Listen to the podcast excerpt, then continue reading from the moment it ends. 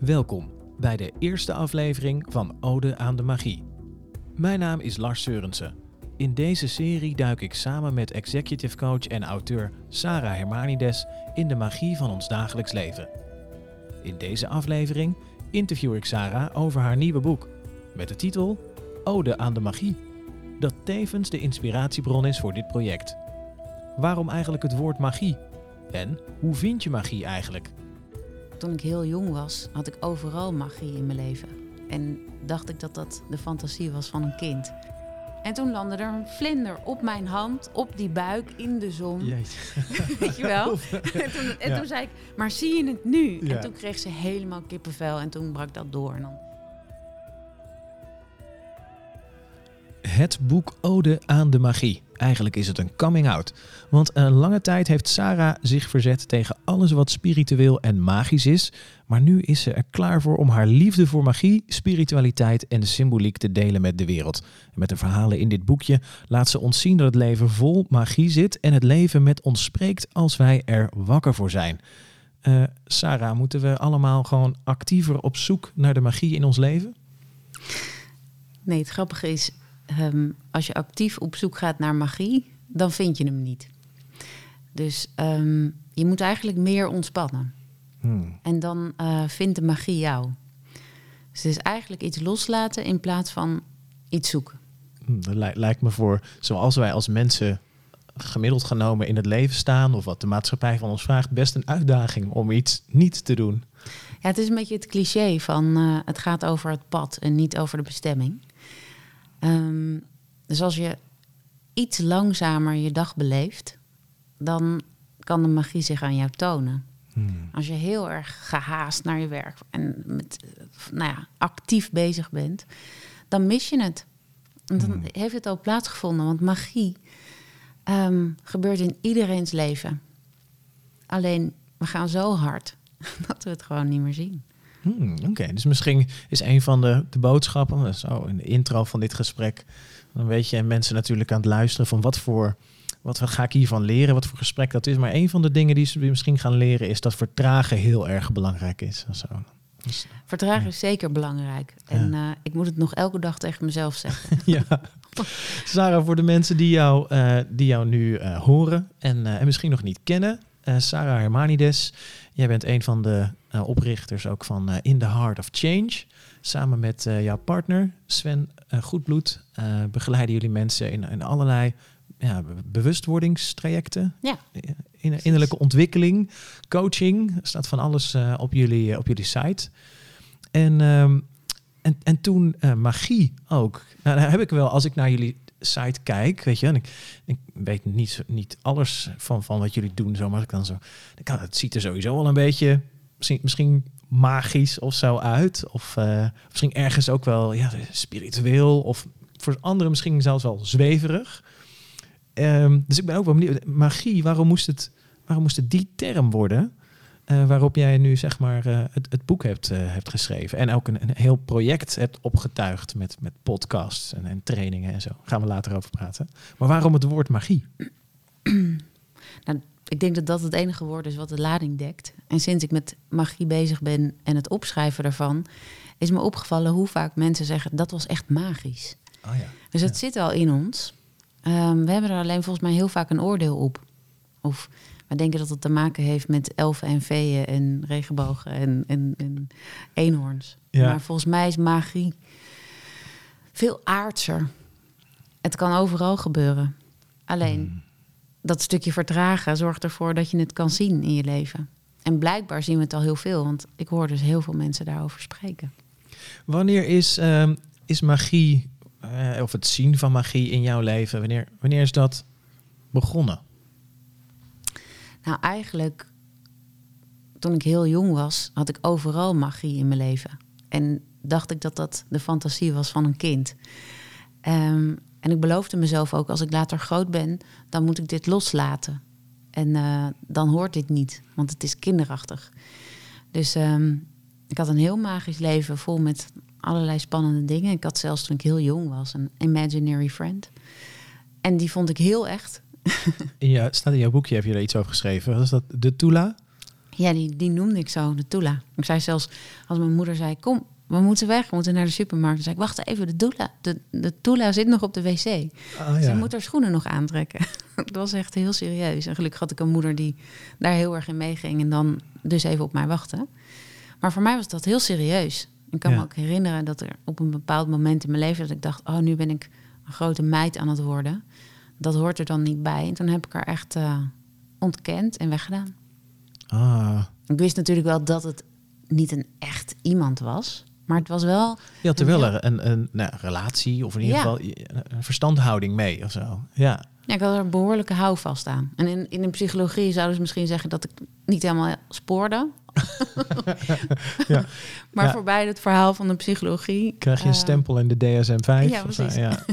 ja. Maar ehm, ik heb er heel veel aan gehad. Ik voelde me heel veilig daardoor. En eh, was heel prettig. Maar goed, die heb ik weggedaan. En dat was wel een soort van... Dat zou je een magisch iets kunnen noemen voor, Hmm. voor een kind.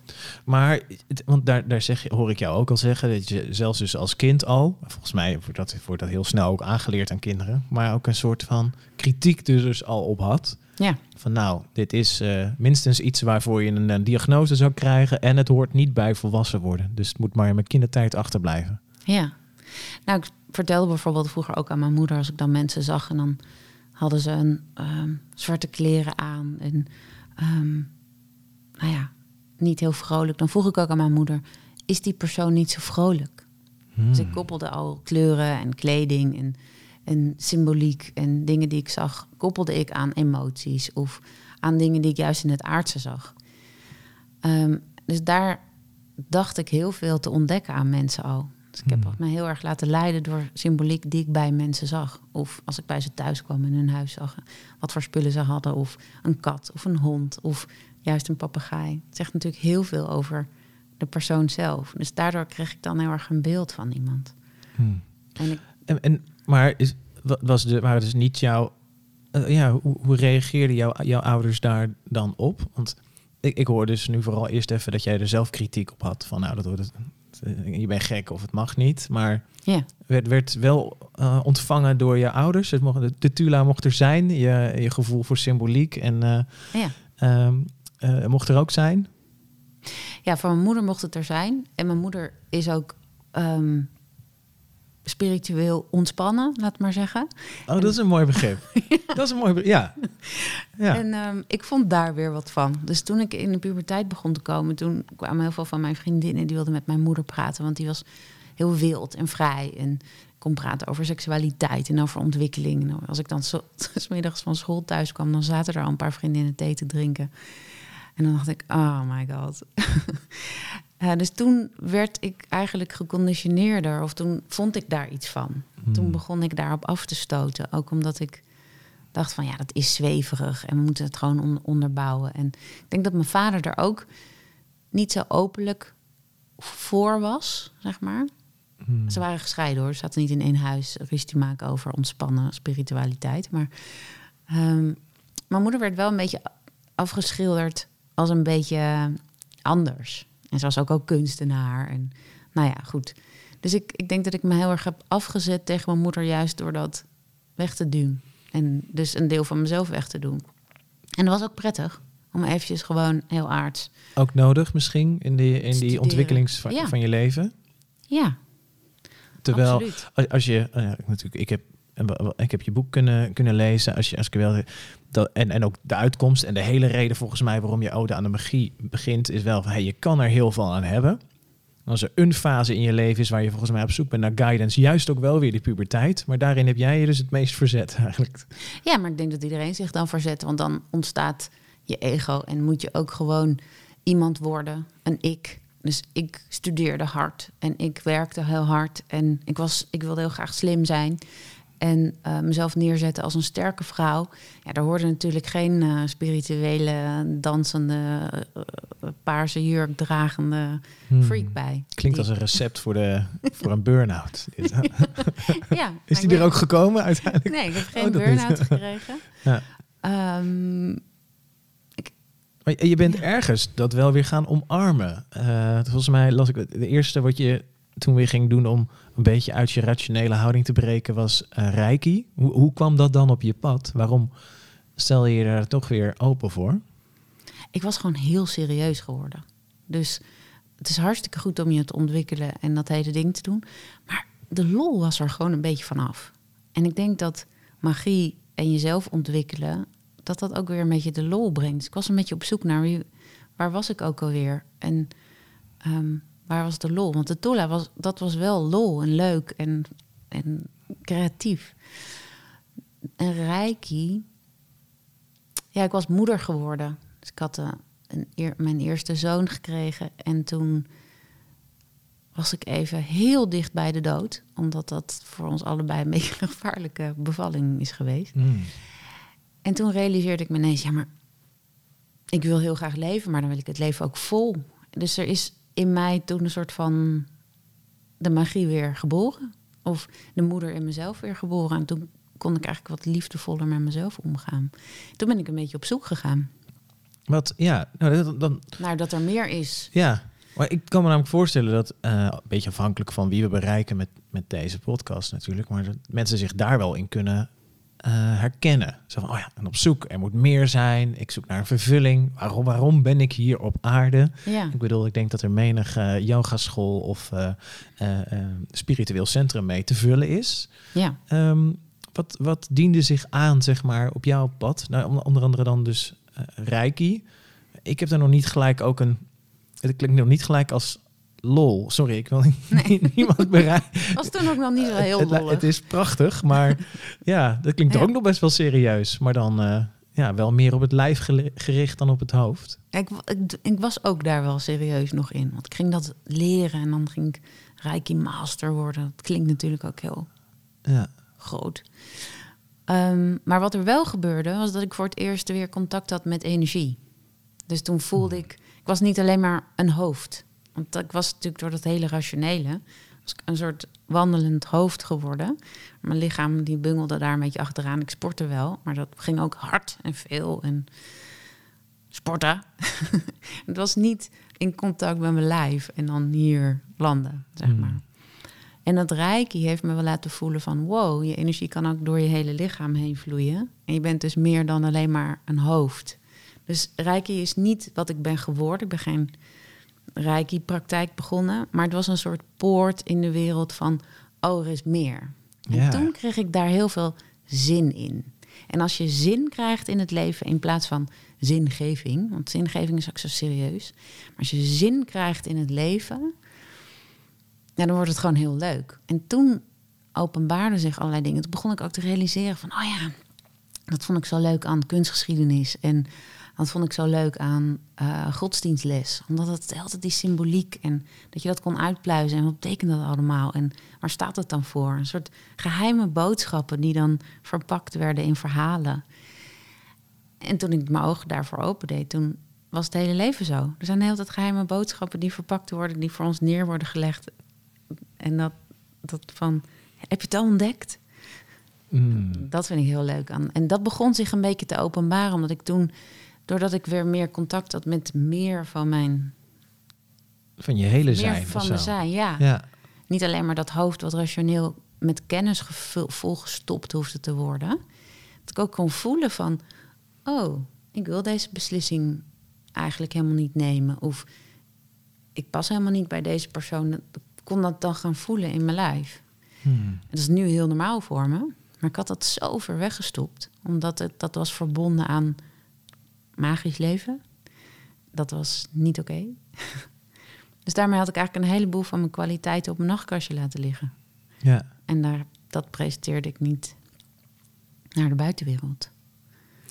In je boek heb je eigenlijk, uh, ja, ik kan bijna zeggen, vergelijkbare uh, ervaringen of verhalen uh, samengevat. Van mensen die eigenlijk ook een soort van magisch moment in hun leven mee, meemaken. Um, heb, heb, jij, heb je ook zo'n soort van. Je noemt hier nu al een paar, paar stappen, maar ook echt zo'n. Nou, dat was echt het moment. Toen wist ik dat ik het wel magie kon, kon gaan noemen. Toen, dus dat is de term die hierbij hoort. Hmm. Ik denk niet dat dat een één moment is geweest. Maar ik denk dat een optelsom is dat geleidelijk in is gekomen dat ik. Ik denk dat ik het heel lang symboliek noemde. Mm. Oh ja, ja. En dat het toen op een gegeven moment is overgegaan in magie. ja. Niet één moment. Het is, een, wel, Ja. ja. het is misschien wel een erkenning. Misschien is het wel net geweest voordat ik begon aan de verhalen van mijn boekje. Omdat ik had het ook eerst ode aan de symboliek genoemd. Oh ja, ja. En ik denk, Die snap ik ook op zich. ja. En toen op een gegeven moment dacht ik, nee, het mag gewoon nog een stapje verder. Was dat toch misschien nog wel een stukje verzet in jezelf? Wat- ja, Toch nog een beetje weet puber. zeker. toch nog een stukje puber Ja, die heel correct wilde zijn. ja. Ja, Hey, best bijzonder, want ehm, nou ja, het zijn 17 eh, verhalen van mensen met wie jij eh, gewerkt hebt of gecoacht. eh, en dat je hun verhalen natuurlijk ook mag vertellen. Dat is ja, super persoonlijk allemaal. ja, dat is heel eervol. Ja, Dat is überhaupt ons werk, is gewoon heel eervol. Je bent bij die momenten. Je mag er steeds bij zijn. ja voor, voor, die, voor die, misschien hebben, hebben we een luisteraar die sowieso denk nou, toevallig hier terechtgekomen is. Maar kun je een beetje beschrijven, zeg maar, hoe bijvoorbeeld eh, een van die mensen die bij jullie, die, die komt dan iets doen, die kan een coaching doen, of jullie werken ook met paarden. eh, Ja, Ehm, dus eh, een beetje schetsen van hoe ziet het werk wat je doet er eigenlijk uit. Waarin je dus al die magie hebt eh, mogen ontdekken. ja. Dat zijn zeg maar de methodieken die je nu. Oh ja, ja precies. Ja, jullie tools. Of, eh, Ja. ja. Het leven is sowieso magisch, maar eh, onze methodieken. En het woord methodiek betekent gewoon ingang. Dus het is een manier om bij jezelf iets teweeg te brengen of over iets over jezelf te weten te komen. Ehm, en we noemen onze methodieken altijd een beetje onorthodox. Want we werken met dromen duiden. Dus echt dromen van de nacht. Hm. Ehm, met vuurceremonies, ehm, shamanistische ceremonies. Ehm, en we werken ook met paarden. En met paarden kan je op heel veel manieren coachen en werken. Maar we werken shamanistisch Hm. daarmee. Dat betekent gewoon dat je contact hebt met de natuur. En dat alles meewerkt. En dat eigenlijk de magie, dus alles wat er om je heen gebeurt, dat dat ook meebeweegt. Hmm. En wat paarden spiegelen bij iemand. Ja, het is onbeschrijfelijk. Elke keer als ik weer in dat veld kom, en ik doe, doe het al twaalf jaar. ehm, ik ben elke keer weer verrast wat paarden kunnen doen. Ja, ik, ik kan me echt een beetje afhankelijk natuurlijk. Want dat, probeer ik altijd dan in zo'n in zo'n interview. Probeer me in te beelden dat er misschien iemand luistert die als... Oh ja, paardenwerk. Van gehoord of over Ja. gelezen. Maar kan ook... Ja, misschien ben jij wel die luisteraar die denkt... "Hm, Paarden, weet je wel. Ja, Ja, nee, laat je-. Ga je op een paard zitten en word je, de- de- kom je er eh, zonder burn-out vanaf? Of weet je wel, maar Ja. jullie zetten, ik, ik heb er natuurlijk iets, ik heb jou daarover gesproken, iets, die zetten die paarden ook neer op bepaalde posities, of de paarden nemen een positie in, Ja, En- en- de paarden leiden het eigenlijk. die leiden Want het. we Ja, hebben het wel eens over bijvoorbeeld in shamanisme over de shamanen. De paarden zijn de echte shamanen. Mm, Zij luisteren, ze hebben een hele grote buik en ze luisteren naar hun buikgevoel. En wij zetten ze helemaal niet neer. Het is, eh, we werken met een vrije kudde.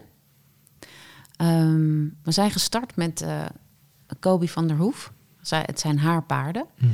Een goede Ja. naam voor iemand die Goed, met hè? paarden werkt, ja. Ik vind dat altijd zo leuk, dat Ja. soort dingen, dat dat dan in naam. En ehm, twaalf jaar geleden zijn Sven en ik samen met haar begonnen. Zij was al echt een hele geweldige paardencoach. En zij wilde verdiepen. En toen zijn we met z'n drieën in een driehoek gaan, echt gaan onderzoeken... wat kan er allemaal nog meer met paarden. Want zij deed familieopstelling met paarden. Eh, ik weet, nou, dat is ook weer een heel begrip. Dat ik snap dat dat ook weer... eh, Ja, maar dat, die, ja, die heb ik ook wel eens, heb ik wel eens meegemaakt. En dan zet je, zet je mensen op bepaalde plekken neer. Ja. En eh, dat, dat stuur je dan, geloof ik, dat stuur je meer zelf. Dat je zegt, nou, wil jij even gaan staan? En voor dan, mijn vader. Voor mijn vader. voor En mijn dan broer. kun je daarover En dan kun je praten. dingen en onderzoeken. Ja, ja. En in, met paarden gebeurt het dan zo dat het paard eigenlijk aangeeft dat er een verdriet is of een verlangen. Of nou ja, zij leest de symboliek die de paarden afgeven. Want dat kunnen ze laten zien met hoe ze staan of hoe ze hun oren draaien. Of, dat vertaalt zij. Hmm. Ehm, en wij werken vanuit een shamanistisch veld. En dan spelen daar ook collectieve thema's. Dus dan gaan, hoeft het niet alleen te gaan over het familiesysteem en over wat je, ehm, wat je meemaakt als je opgroeit in een gezin. Als er bijvoorbeeld geen vader is en je als oudste zoon in de rol van de, van de vader moet gaan staan. Dat kan ervoor zorgen dat je op een hele andere manier in het leven staat en dat je daar wel wat bagage van meekrijgt. Hmm. Dat, is, dat is wat er zou kunnen gebeuren in een familiesysteem. En in het collectieve veld zou je je kunnen voorstellen uh, dat je het hebt over um, uh, de pijn van het vrouwelijke, wat niet wordt gezien. Of um, om het in business uh, neer te zetten, het gaat over het vrouwelijke wat niet serieus genomen wordt en een ongelijkwaardig is ten opzichte van het mannelijke, omdat het nog een hele mannelijke wereld is. En daar kun je dingen in helen of um, herkennen en erkennen door in dat veld te gaan staan en ook dan laten de paarden dus zien um, wat daarin kan veranderen, wat daarin nodig is, uh, waar er gaten vallen in jezelf en wat je daar zelf in kunt doen, wat je daar in je systeem in kan doen en wat je daar in de maatschappij in kan doen. Hmm. Je kunt eigenlijk alles opstellen. Je kan echt, je kunt je organen opstellen, bij wijze van spreken, en voelen wat gebeurt er in mijn lichaam. Maar we kunnen ook bijvoorbeeld een opstelling doen met COVID. We kunnen ook COVID opstellen en kijken met de, met de wappies en de, en de waxers en, en dat hele systeem en kijken wat daaruit komt en wat daar nodig is. Ik kan me voorstellen dat het hier dus inderdaad dat er soms misschien een schifting plaatsvindt van mensen die zeggen, nou sorry hoor, maar dit is voor mij echt uh, te, te uh, ja, onzichtbaar. En daardoor niet te, niet te bevatten wat zich dan daar allemaal. Dat snap ik. Wat er afspeelt. Ik kan me wel. Ik was er. Uh, ik weet niet meer of dat nou in het boek of op de website was. Maar ergens was een voorbeeld gewoon van dat jullie met een bedrijfsgroep bezig waren. En dat er een, een duidelijke soort van alfa in de groep, die zou het wel even gaan doen. Nou, en, de, ja. dat heel zichtbaar. De paarden liepen er van weg, geloof ik, of zo. Ja. En dat die, die ene stille in, in de groep, uh, in, in de bak stond en de paarden gingen er naartoe. Ik, kan me voorstellen dat ja. dat al een heel erg instapmodel, want dat, dat werkt ook op basis dat, dus van, van een ja, energie of, of is het, uh, ja, het onderbuikgevoel van het paard wat jij beschrijft? Nou, als je het gewoon heel um, praktisch wil uitleggen. Uh, dit, dit gaat, wat jij nu benoemt gaat over uh, een, een systeem in een, in een bedrijf. Daar heb je gewoon een team en daar heb je een, een, een leider in het team die hiërarchisch gezien daarvoor staat. Zo doen we dat in het bedrijfsleven. Dat is de piramide. Um, paarden werken niet langs de lijn van hiërarchie. Nee, die, die kijken niet naar het functietitel of uh, functiegroep. Nee, ja. Die kunnen dat ook niet vanuit hun ego doen. Dus dat gaat uh, vanuit ordening. Mm. En zij zijn vluchtdieren. En voor hun is het van belang dat de hele kudde altijd in veiligheid komt op het moment dat er gevaar dreigt. Dus ze zullen altijd zorgen dat de ordening klopt. Mm. En vanuit die ordening heeft iedereen een rol. Dus er is wel een leidende hengst en er is wel een leidende merrie. Maar dat heeft een functie om te zorgen dat het geheel wordt gediend. En dat is ook wat paarden doen op het moment dat je in een paardenbak stapt en je met je familiesysteem aan de slag wil. Dan gaat de, uh, de kudde altijd zorgen dat de ordening klopt. Mm. En dus ook als je bijvoorbeeld met vijf mensen in een paardenbak stapt en er is één iemand heel verdrietig, maar die zegt er niks van, dan zal het paard altijd bij die persoon gaan staan, want dat is het meest aan de orde voor de gehele groep. Dat moet eerst opgelost voordat je andere voordat dingen. je verder kan. Ja. Dus dan kunnen we wel zeggen van nee, maar we moeten nu even gaan kijken wie is hier de baas in de organisatie. Dat kan wel zijn, maar er is nu eerst verdriet. Dat moet eerst opgelost worden. Daarna gaan we jullie vraag doen. Ja. Dus dat gaat over ordening versus hiërarchie. En dat is hmm. wat je in bedrijfsleven ziet. En dat is ook het verschil tussen um, ja, misschien wel die, die, die rationele manier van denken en die vrije manier van denken. En dat eerste is wetenschappelijk kan je dat onderbouwen en kunnen we allemaal weer leggen. En het andere deel is op gevoel. Ja. En dat is wel het gedeelte waar magie ontstaat. Ja. Ja, want ik kan me voorstellen dat alleen al, want we hebben het nu even over één van jullie methodieken. Hè, dat, ja. uh, uh, dat dan toevallig het woord, werk met Ik ben uh, ook niet paardencoach. Nee, nee, nee, precies. Maar gewoon omdat die even als voorbeeld. Want ik kan me voorstellen dat sommige mensen dit dus al vanaf een afstand ook als. Nou, die zouden dat al magisch kunnen noemen. Die zeggen, nou, ik snap het niet. Dus waarschijnlijk is het, is het uh, magisch. Ja. En uh, ik denk aan één, dat is toch ook een verhaal in de paardenbak. Want dat, dat bracht het zelfs nog een stukje verder. Maar dat was, even kijken, niet meer uit mijn hoofd. Maar een voorbeeld was ook in de paardenbak. Maar er kwam ineens kwam de zon door en die scheen op mijn vlinder. En Ja, ik noem hem nog extra lagen. Dat je ook denkt, ja, dit is iets wat in een film. Of gewoon ontzettende toeval. En Ja. dat noem jij dan magie, ja. Sarah.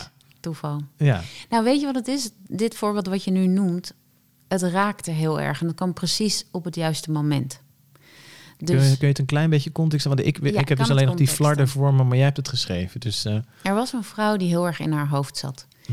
En we stonden in de paardenbak. En zij had de buitenwereld opgesteld. Eh, door, dat was gerepresenteerd door iemand die de buitenwereld was. En dat ging dus natuurlijk heel erg over oordelen en zelfoordelen. Dat... En ze was dat heel erg vanuit haar hoofd aan het doen. Ehm, en ze had mij opgesteld als het nare deel van haar vrouwelijkheid. oh, lekker, dankjewel. Ja. Ja. Maar ik wilde dat graag zijn. Want het betekent helemaal niet dat het naar is. Het betekent gewoon dat het iets is in jezelf wat je afkeurt. En zij moest contact maken met mij van de paardencoach. In, in deze keer was de paardencoach eh Ruby, waar we ook veel mee werken. Ehm, en ik was heel erg aan het leunen tegen een paard, want die was achter mij komen staan en daar mocht ik helemaal in leunen. Dus er was, er was heel veel liefde en rust en vertraging.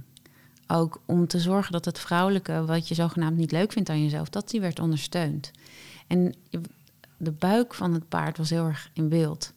Dus ik was ook aan het wijzen naar, ga naar je gevoel. Dus ik was die buik aan het aanraken, maar het kwam niet bij haar binnen.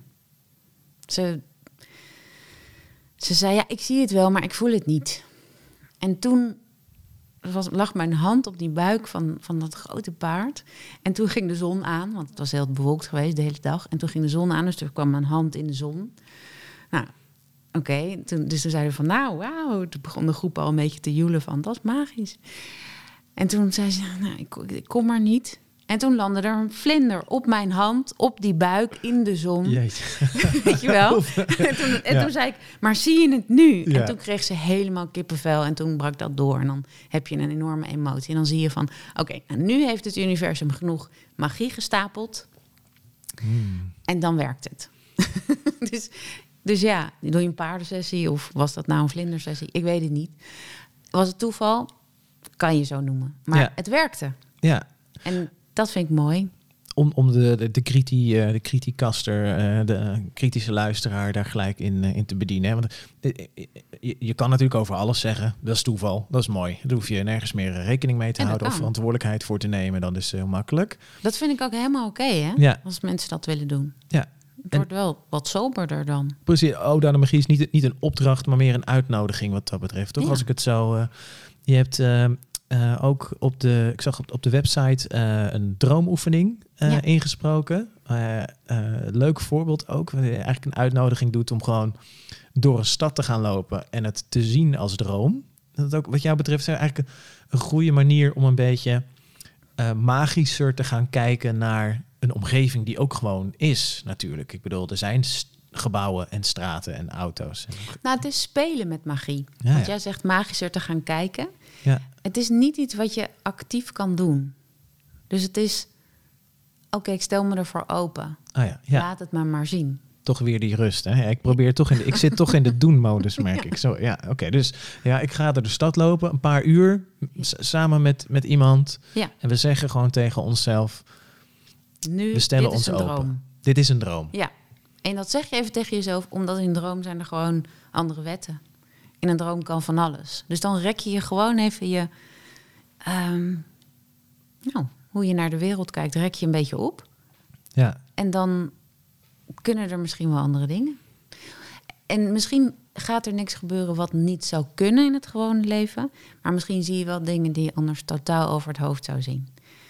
Nou ja, en dan mis je gewoon de schoonheid. ja, Magie is gewoon schoonheid. ja. En lol. Ik vind het vooral heel erg leuk. Ja, heb je die, die lol eindelijk, eindelijk teruggevonden? Ontzettend, echt. In, Ja. in, in mijn moederschap, in, in eh, de band met mijn moeder, in, in alles eigenlijk. Ja, Want ook in, als je leven even bitter is of niet zo leuk, ehm, dat betekent niet dat je er overheen moet stappen door het allemaal maar magisch te maken. Maar het kan wel heel veel troost bieden als je vervolgens het ook ziet wat voor symboliek het met zich meedraagt. Het heeft voor mij heel helend gewerkt. Bij, bij, bij soms hele verdrietige dingen in mijn leven. Dan hoef ik niet te ontkennen wat er gebeurt, maar Die zijn even verdrietig. Maar... die zijn even verdrietig. En, en daarnaast heb ik er ook nog iets heel moois uitgehaald. Hmm. En dat vind ik helend. Nou ja, ik kan niet anders noemen dan dat. Ja.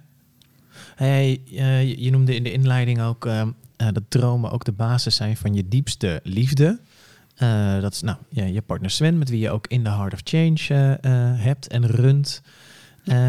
Ja, wat is zijn rol in, in jouw, ja, jouw project Ode aan de Magie? Hoe, hoe verhoudt Sven zich daartoe?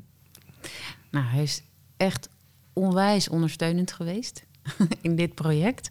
Want hij heeft op magische wijze ehm, illustraties gemaakt. Hmm. En ehm, we wisten helemaal niet hoe dat zou gaan met de vormgeving. Dat was een reis op zichzelf.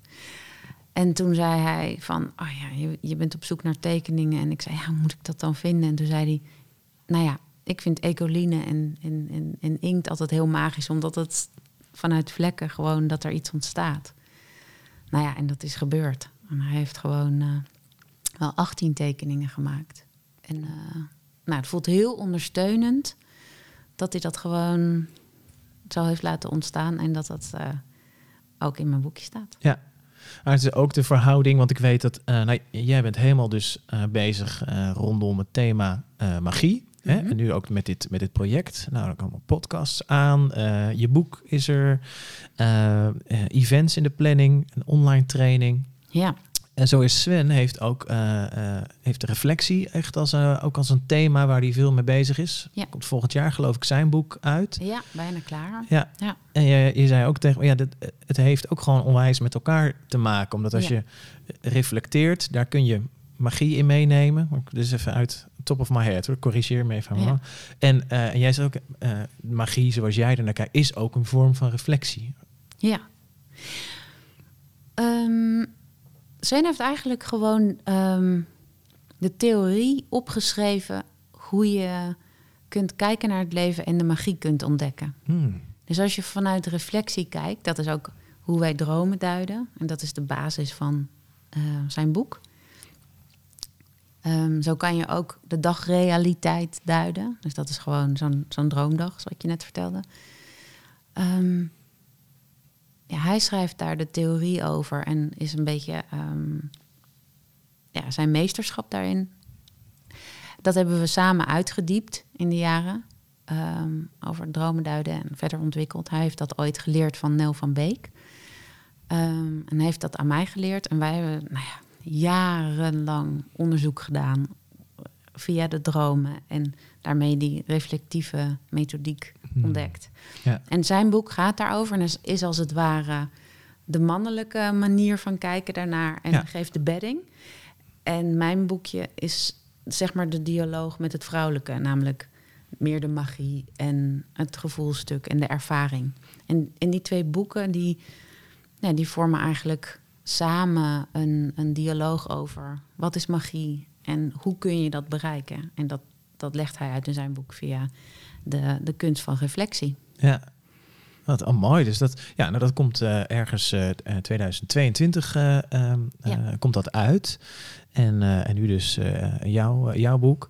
Ehm, ja, het begon als volgens mij een, een, een, overleg, brainstorm. Daar was ik ook bij betrokken van. nou, de boeklancering, hoe zullen we dat, dat nou eens aanpakken? Daar wil je toch iets leuks van maken? Ja, maar het, het wordt nu eigenlijk bijna meer een soort van een, een onderzoek of pro- project. Met, eh, je zei, je, je wil eh, film, filmpjes gaan maken, geloof ik. Ja. Ehm, er wordt nou podcastserie eh, dus opgenomen. Ehm, ja, is, is dat ook gewoon wat je zei?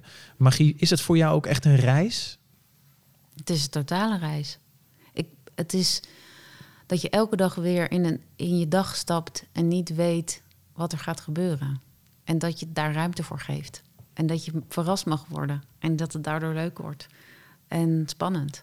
En een feest. Dit- misschien zijn we hier één keer. Ik wil het ervaren, ik wil het voelen, ik wil het meemaken. Hmm. Dus ja, magie is een ontzettende reis. En ehm, ook met het boek lanceren ik wilde niet een gewoon event. Want dan rol je het al uit, dan zet je het vast. En dan, dus ik wil wel zien waar het boekje me brengt. En ehm, ik wil horen van andere mensen wat magie voor hun betekent. En het oordeel erop, of juist eh, het ophemelen van magie. Of... Ik ben benieuwd. Dus ik hoop dat ik, ehm, in plaats van dat ik mijn ideeën ga neerleggen, dat ik ook weer mag leren van anderen. Leuk joh, gaaf. Nou, uh, ik ga je erin volgen. En, uh, en, en, waar ik kan wellicht ook ondersteunen. Dat is ook gaaf om daar een bijdrage aan, uh, aan te leveren. En uh, dus de, de, dingen die nu op de, op de stapel staan, gewoon de, de, de What's Next. Nou ja, het boek is er ja, dus. Precies. En ja. dat is heel spannend op zichzelf. dan de podcast, waarin ja. ik um, nou ja, in gesprek ga met mensen over magie. En um, we zijn bezig um, met een online training. En um, dat is, gaat over hoe open ik magie in mijn eigen leven. En uh, daarover meer later. Ja, achter de schermen in, in voorbereiding. Ja. ja.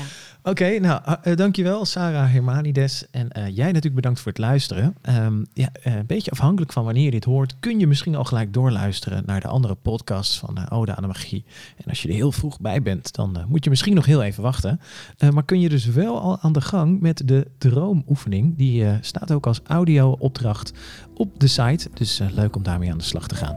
Nou, wil je niks missen? Abonneer je dan alvast gewoon uh, op het kanaal. Geef duimpjes omhoog of sterretjes. Uh, alles wat helpt om meer magie in iedereen's leven te brengen. Dankjewel voor het luisteren en graag tot de volgende.